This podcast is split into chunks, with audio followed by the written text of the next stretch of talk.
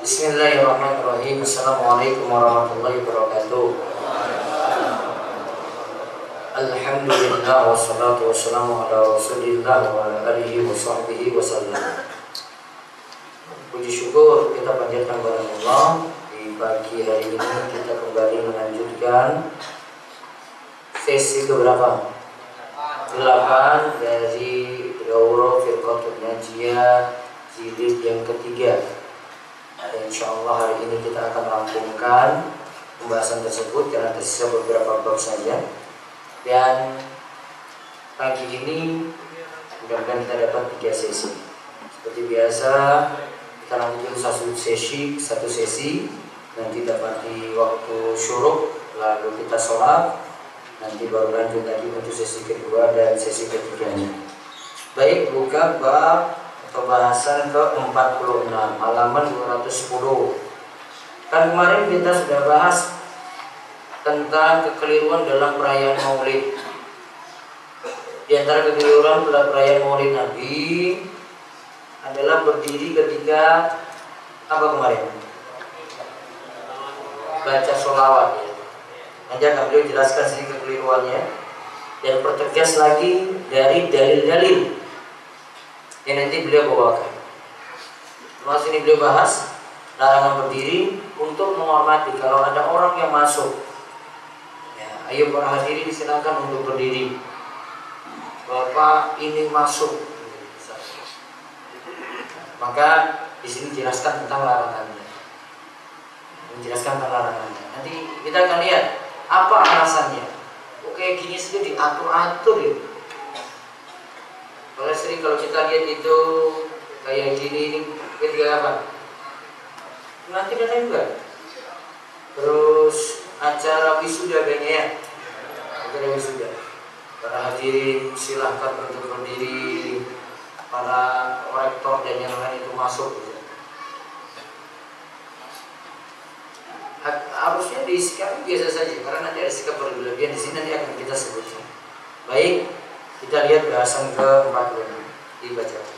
Larangan berdiri untuk menghormati seseorang. Rasulullah Shallallahu Alaihi Wasallam bersabda, Barang siapa suka dihormati orang lain dengan berdiri, maka hendaklah siap mendiami neraka. Hadis di atas Sahih diuraikan oleh Ahmad.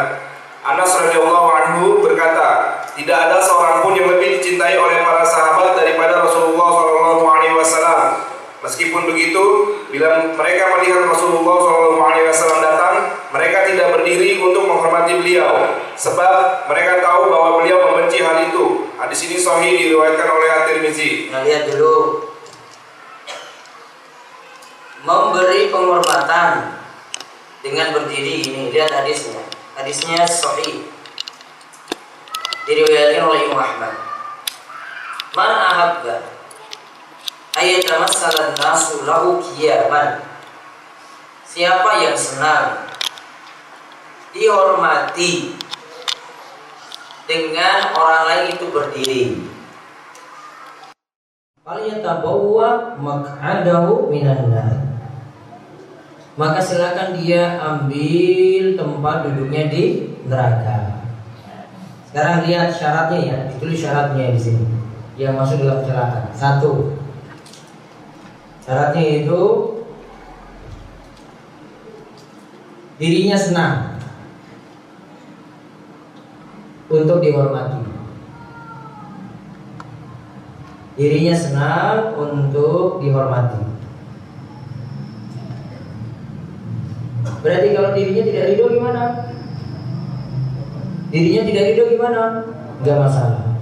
Contohnya dirinya gak ridho, kita kalau bertamu tuan rumah itu nyambut kita. Itu kan kita gak maksudnya untuk dihormati secara berlebihan seperti ini. Cuma untuk menyambut. Yang kedua, tujuannya dihormati. Bila tidak masuk di sini untuk menyambut tamu. Yang kedua dihormati. Tidak termasuk di sini apa tadi? Menyambut tamu. Ada saudara kita baru datang itu, Allah, masya Allah, sudah lama gak ketemu. Kita keluar berdiri kan, nyambut dia. Itu boleh. Yang ketiga,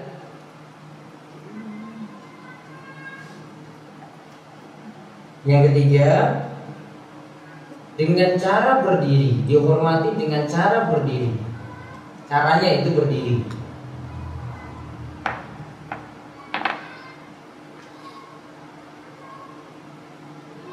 Namun sebenarnya, eh, namun sebenarnya model berdiri nanti sama dengan hal yang lainnya kalau memang bentuk itu pengagungan yang berlebihan. Hal yang lainnya lagi bisa masuk. Namun kalau yang dicontohkan di sini adalah dengan cara berdiri. Coba dilihat diri satu tadi apa? Suka dihormati. Kata kuncinya suka. Yang kedua untuk dihormati, bukan untuk disambut layaknya tamu. Yang ketiga yang ketiga dengan cara berdiri. Tiga syarat terpenuhi baru nantinya diancam tadi dengan apa? Hendaklah siap mendiami neraka. Coba lihat ke atas. Tidak ada seorang pun yang lebih dicintai oleh para sahabat daripada Rasulullah SAW. Tidak ada yang lebih dicintai daripada para sahabat dari para sahabat kecuali Nabi Shallallahu Alaihi Wasallam. Meskipun begitu, bila melihat Rasulullah Wasallam datang, mereka tidak berdiri untuk menghormati, berdirinya untuk menghormati beliau.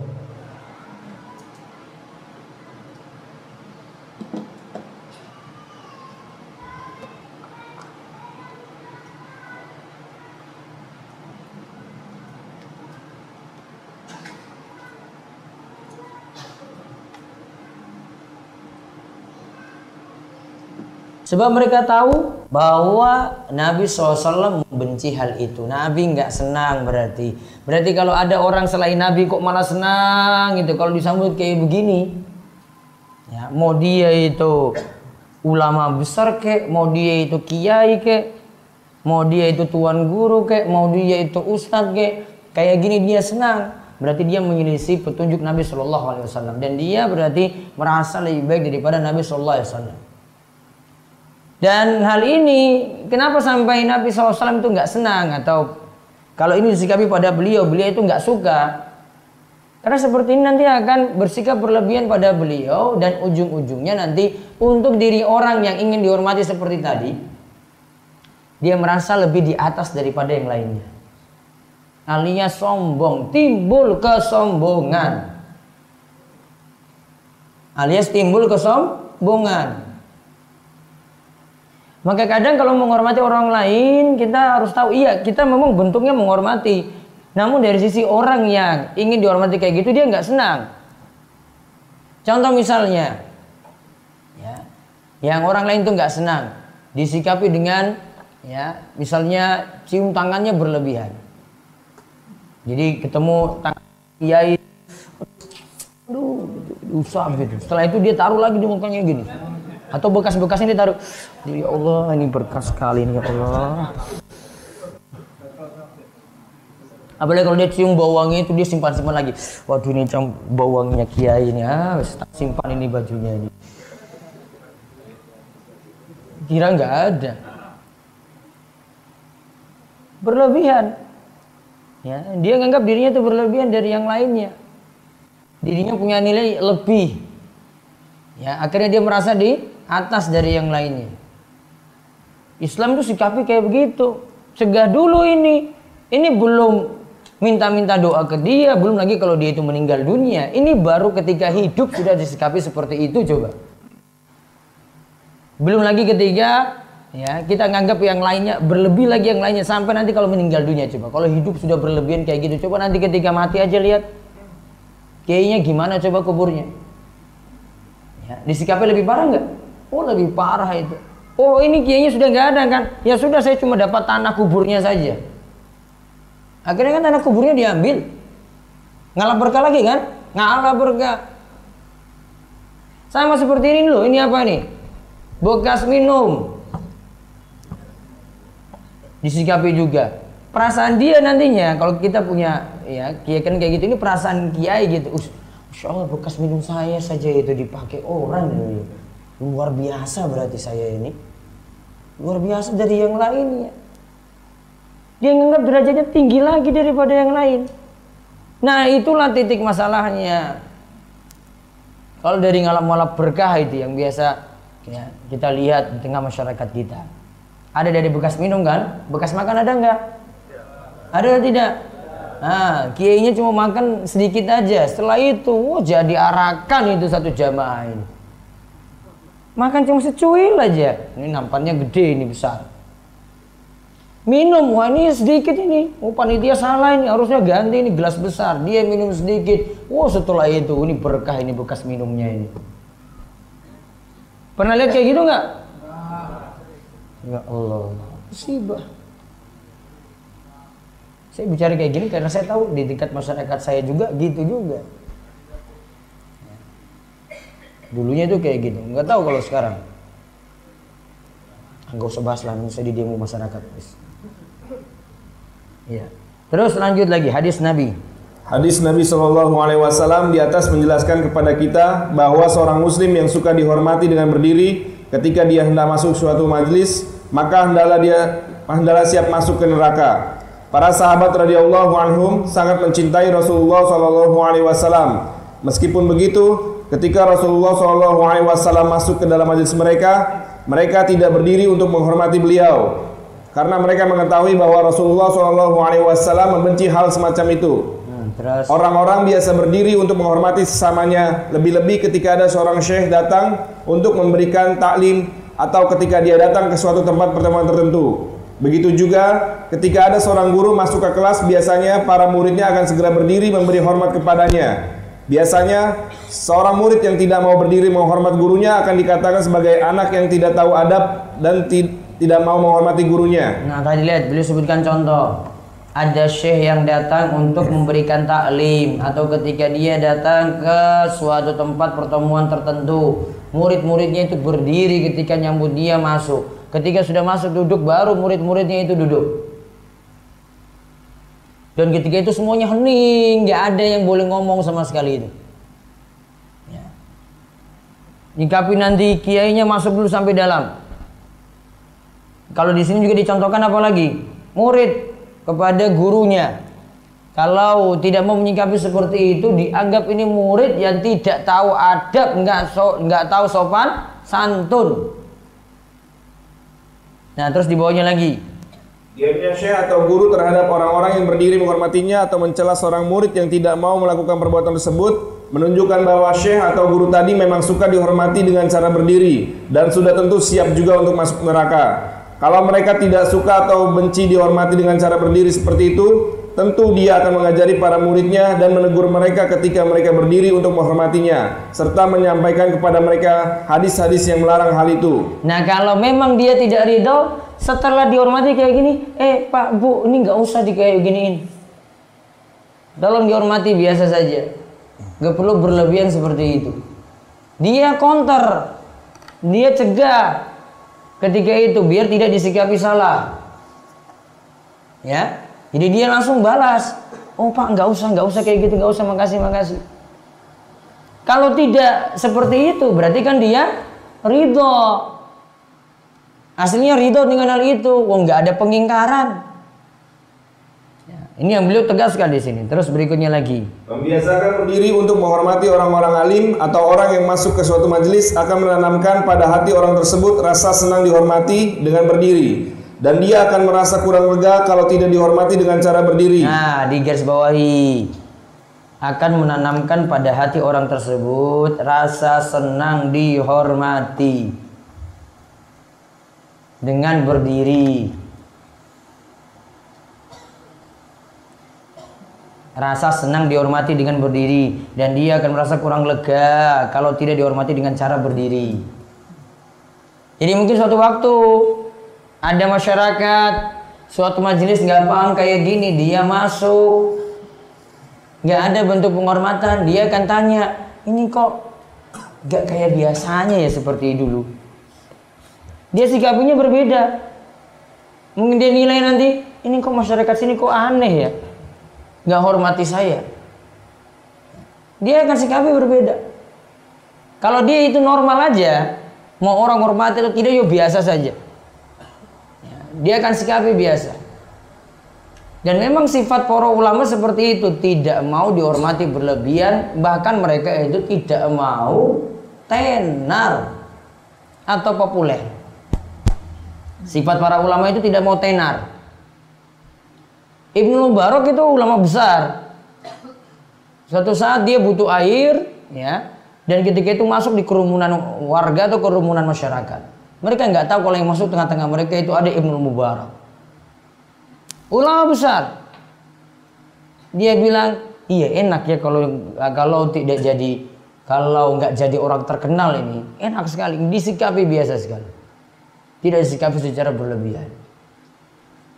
Coba kalau tahu kau tahu ketika itu ini adalah Abdullah bin Al Mubarak wah sudah sikapi. Wah sudah sudah sudah. Ya. Sudah kamu di sini saja kami yang ngurus nanti semuanya.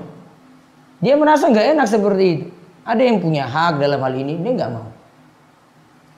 Ibnu Umar radhiyallahu anhu ini masuk dalam majelis nih. Ini sama majelis seperti ini. Ibnu Umar datang telat. Akhirnya dia duduk di belakang. Orang-orang ada yang tahu itu. Wih, itu Ibnu Umar di belakang loh. Kalian kok nggak hormati dia? Itu suruh duduk di depan. Maka ada yang mengampiri Ibnu Umar sudah kamu ambil tempat duduk saya saja ini biar saya duduk di belakang saja. Ibnu Umar nggak mau. Nggak, saya mendingan pergi daripada mengambil tempat kamu tadi. Penyikapannya sama seperti dalam cerita kita kali ini. Ibnu Umar sahabat besar, murid dari Umar, uh, murid dari Nabi SAW langsung, anak dari Umar bin Khattab. Menyikapi seperti itu. Datang telat ya sudah di belakang. Dia nggak mau itu ambil di depan.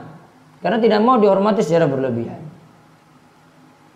Kalau ulama belakang itu seperti Syekh Muhammad bin Shalih Utsaimin. Tahu ya?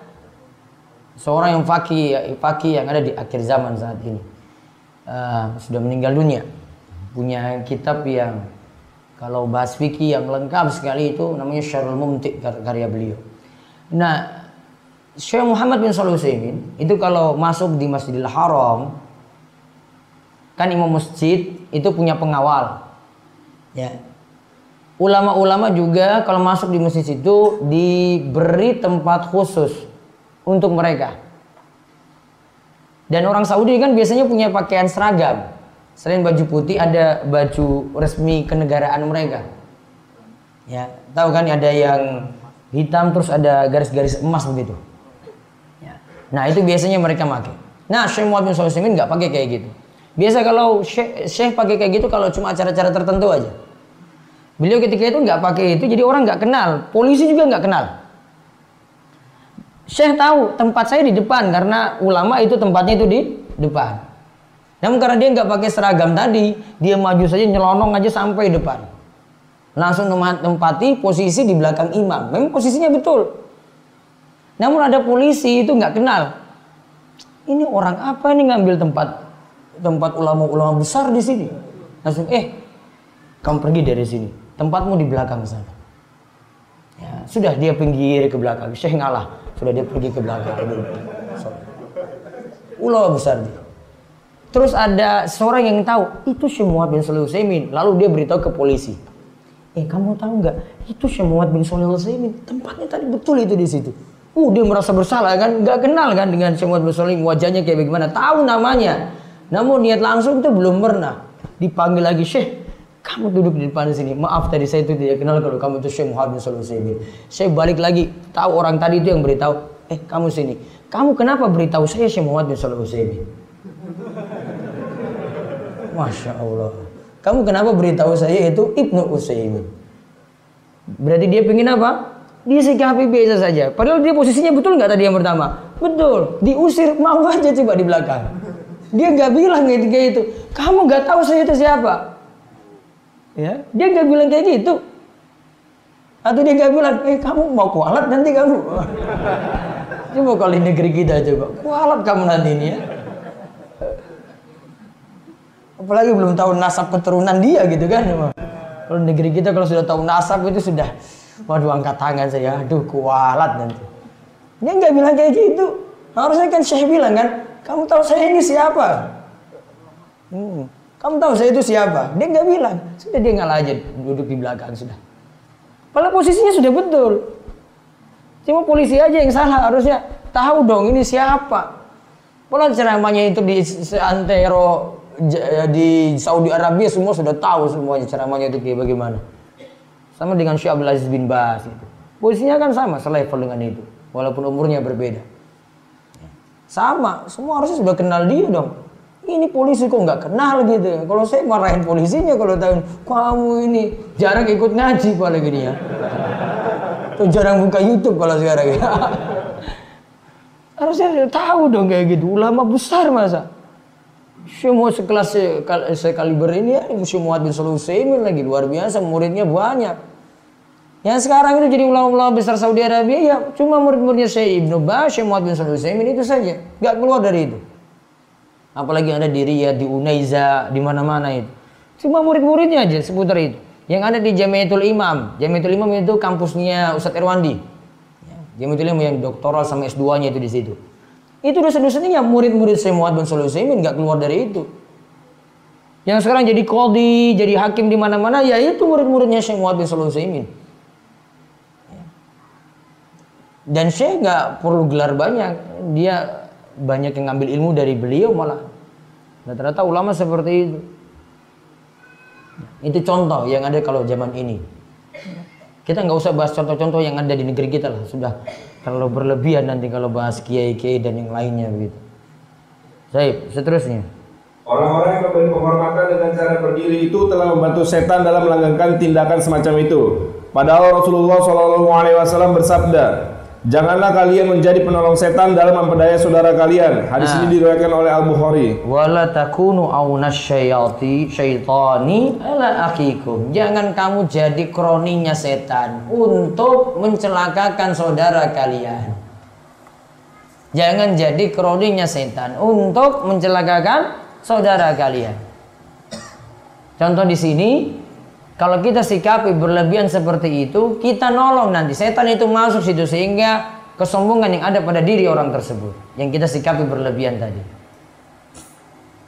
Terus di bawahnya lagi. Orang-orang yang biasa memberi penghormatan dengan berdiri itu berkata, kami berdiri menghormati guru atau syekh adalah karena keutamaan ilmunya. Kita balik bertanya kepada mereka, bukankah ki- tidak kita ragukan lagi keilmuan Rasulullah SAW dan adab para sahabat terhadap beliau? Meskipun begitu, bukankah para sahabat tidak berdiri dalam mengekspresikan rasa hormat mereka terhadap beliau?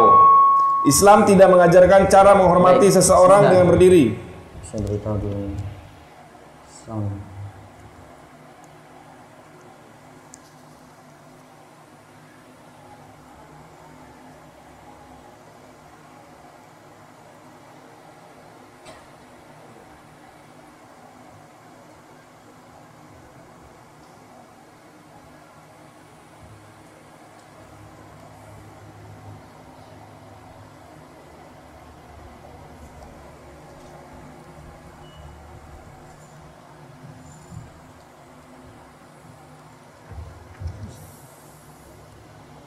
Ya baik kita lihat tadi.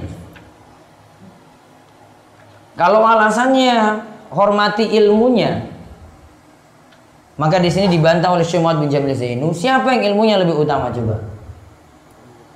Rasulullah SAW ataukah tadi Syekh atau Kiai atau Ustadz tadi? Siapa yang ilmunya lebih utama? Rasulullah SAW. Rasulullah SAW saja yang ilmunya lebih utama, luar biasa. Namun tidak mau dicikapi secara berlebihan seperti tadi. Maka ada satu kaidah Bapak Ibu para jamaah sekalian. Yang kaidah penting dalam agama ini bahwa apa yang disikapi para sahabat pada Rasulullah SAW itu nantinya jadi contoh. Kalau para sahabat tidak menyikapi seperti itu, berarti jadi dalil untuk kita tidak menyikapi seperti itu pula. Para sahabat tidak menyikapi Rasulullah SAW itu kalau masuk dalam majelis dengan berdiri, maka kita saat ini juga tidak menyikapinya dengan cara berdiri. Untuk menghormati tadi. Maka kadang kita ambil dari contoh contoh yang dilakukan oleh para sahabat radhiyallahu anhum kepada Rasulullah sallallahu alaihi wasallam. Kaidah yang sama tadi tentang bekas minum misalnya. Apakah ada riwayat kalau riwayat yang ada cuma menjelaskan para sahabat nyikapi pada Rasulullah SAW.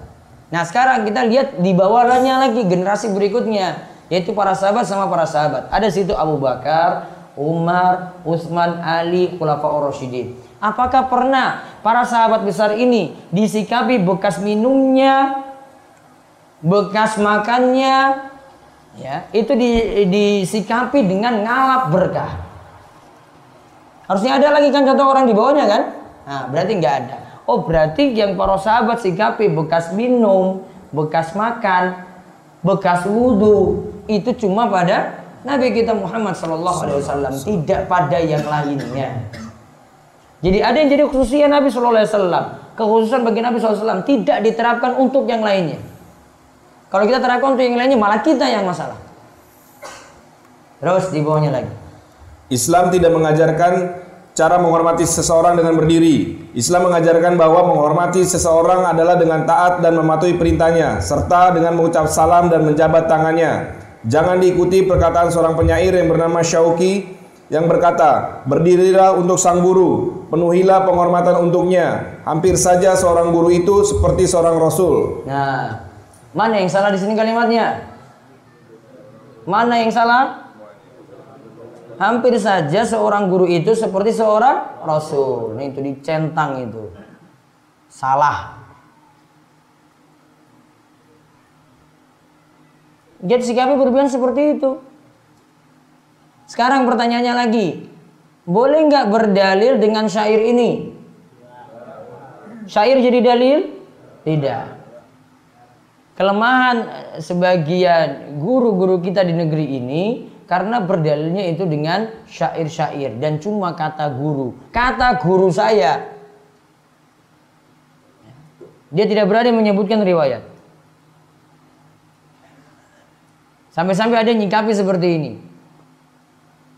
Melihat dari garis keturunan Rasulullah SAW itu tetap masih lebih mulia ya daripada melihat dari keilmuan seseorang. Sehingga ketika ada yang punya garis keturunan walaupun dia itu tidak berilmu, hatta sampai dia pun bermaksiat, dia tetap dari garis keturunan tetap ini masih lebih mulia daripada orang yang berilmu walaupun ilmunya itu tinggi. Saya bilang itu cuma perkataan gurumu menyelisih perkataan Nabi Shallallahu Alaihi Wasallam. Kalau antum melihat perkataan kayak gini tuh banyak di Instagram, di YouTube, YouTube itu banyak. Cuma dalilnya kayak gini aja, nggak ada bawa dalil dari Al-Quran, nggak bawa dalil dari hadis. Sampai-sampai kalau seandainya keturunan Rasul SAW itu ada yang ahli maksiat, bahkan sampai orang gila pun misalnya jadi gila. Tetap harus dihormati berlebihan daripada seorang ustadz yang punya ilmu. Paham ini? Saya bilang ini sudah nggak waras lagi nih mikirnya. Saya kalau berpikir, taruhlah saya itu nggak ngaji, saya nggak akan ikut kayak begitu. Saya belum pernah hadir majelis ini sudah pakai logika ini nggak masuk akal lagi. Masa orang berilmu itu kalah seandainya itu ada keturunan Rasul misalnya yang nggak waras coba. Masa dari sisi keturunan itu sudah jadikan dia mulia? Kalau memang jadi kayak begitu harusnya apa? Abu Lahab, ya kan? Apa lagi? Abu Jahal, keluarga keluarga Nabi kan? Harusnya derajatnya lebih tinggi dong. Derajatnya harusnya lebih tinggi daripada Abu Bakar, daripada Umar, daripada Utsman, daripada Ali. Dan harusnya dia punya surga juga. Gitu. Betul nggak? Terbantah seperti itu, ngawur keedanya. Dan itu di medsos tuh kayak gitu. Sehingga kalau lihat, wah keturunan Rasul itu masuk, wah berlebihan sekali. Kalau ilmunya nggak ada bagaimana? Coba kalau misalnya kamu jadi temannya lah, dari kecil tuh tahu orangnya gimana. Dulu itu pemabuk, dulu itu main perempuan, walaupun dia garis keturunan bagus. Kamu mau ikut jadi dia, jadi pengikut dia? Sekarang sudah tahu dia itu dia wah diagungkan di mana-mana. Kamu tahu masa silamnya dulu kayak gitu, mau jadi pengikutnya? Oh saya nggak mau. Saya tahu kok dulu dia itu pemabuk kok ini ini. Saya nggak tahu sekarang dia bagaimana sikapnya. Mau jadi kayak gitu? Wah perkara besar ini. Masa cuma sekedar keturunan saja? Gak bisa seperti itu. Agama kita tuh gak jamin kayak gitu.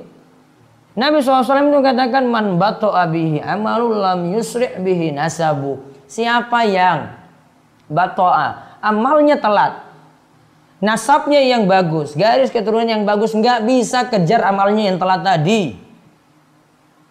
Paham ini? Orang yang punya keturunan bagus, ya kan? Namun telat beramal, amalannya malas. Dia nggak sholat atau dia itu ahli maksiat. Dengan garis keturunan yang bagus, amalnya amalnya saja sudah tidak ada tadi, nggak bisa mengejar tadi untuk garis keturunannya. Garis keturunannya mau mengejar amalannya itu nggak bisa. Artinya bukan jaminan dari garis keturunan. Namun kalau dia punya garis keturunan yang bagus, masya Allah dia jadi alusunnah wal jamaah yang luar biasa, bela mati-matian leluhurnya. Itu diancungi jempol luar biasa. Namun kalau rata-rata yang pembela sunnah Nabi SAW seperti ini, biasanya nggak mau diagungkan lagi berlebihan. Dia nggak mau lagi dipanggil-panggil dengan sebutan seperti itu, nggak mau. Hormati biasa saja. Dia lebih senang itu, padahal mungkin dia punya garis keturunan yang ada. Makanya sikapi untuk yang sekarang ini nggak disikapi berlebihan seperti itu. Saya mau sebut gelarnya, saya nggak mau sebut lah. Capek nanti, nanti dibully nanti di internet. Biar aja.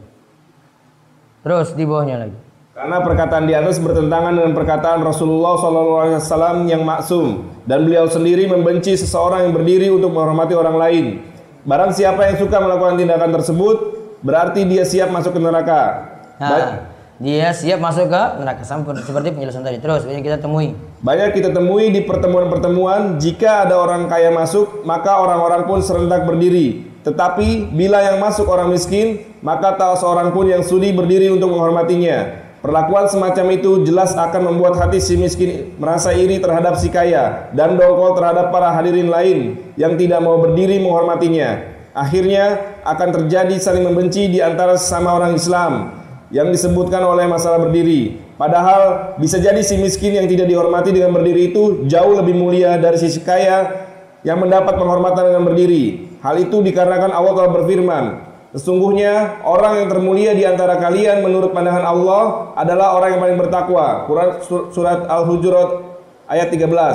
Mungkin ada yang berkata, jika kita tidak berdiri untuk menghormati orang yang masuk ke suatu pertemuan, maka dikhawatirkan akan menimbulkan rasa tidak enak pada dirinya terhadap orang-orang yang tidak mau berdiri menghormatinya. Kita katakan saja kepadanya, bila begitu halnya, kita jelaskan saja kepada orang yang baru saja datang ke pertemuan itu bahwa kecintaan itu ada pada ada itu adanya pada hati dan kita ingin meladani Rasulullah Wasallam yang tidak menyukai para sahabat yang berdiri untuk menghormati beliau. Kami tidak ingin masuk neraka gara-gara berdiri untuk menghormati orang yang datang itu. Terkadang kita mendengar sebagian syekh mengatakan bahwa Hisan salah seorang penyair Rasulullah Shallallahu Alaihi Wasallam pernah berkata dengan syairnya, berdiri untuk menghormatiku adalah wajib, Perkataan Syekh tadi tidaklah benar. Alangkah indah apa yang dikatakan oleh murid Ibnu Battah Al-Hambali. Bila sehat nurani nurani kita, buat apa kita menyusah-nyusahkan badan? Jangan bebani saudaramu saat bertemu dengan menghalalkan apa yang haram untukmu. Setiap kita percaya terhadap kecintaan murni saudaranya, maka atas dasar apa kita bersusah payah? Nah, lihat. Ini semuanya menunjukkan ya tentang bahasan kita larangan untuk berdiri untuk menghormati. Nanti beliau lanjutkan ke bahasan ke-47 berdiri yang dianjurkan. Ya, jadi beliau bahas lagi sehingga tahu nggak semua berdiri seperti itu terlarang. Nanti ada berdiri yang dianjurkan. Insya Allah ba'da sholat isyraq diberi waktu sampai 15 menit. Monggo.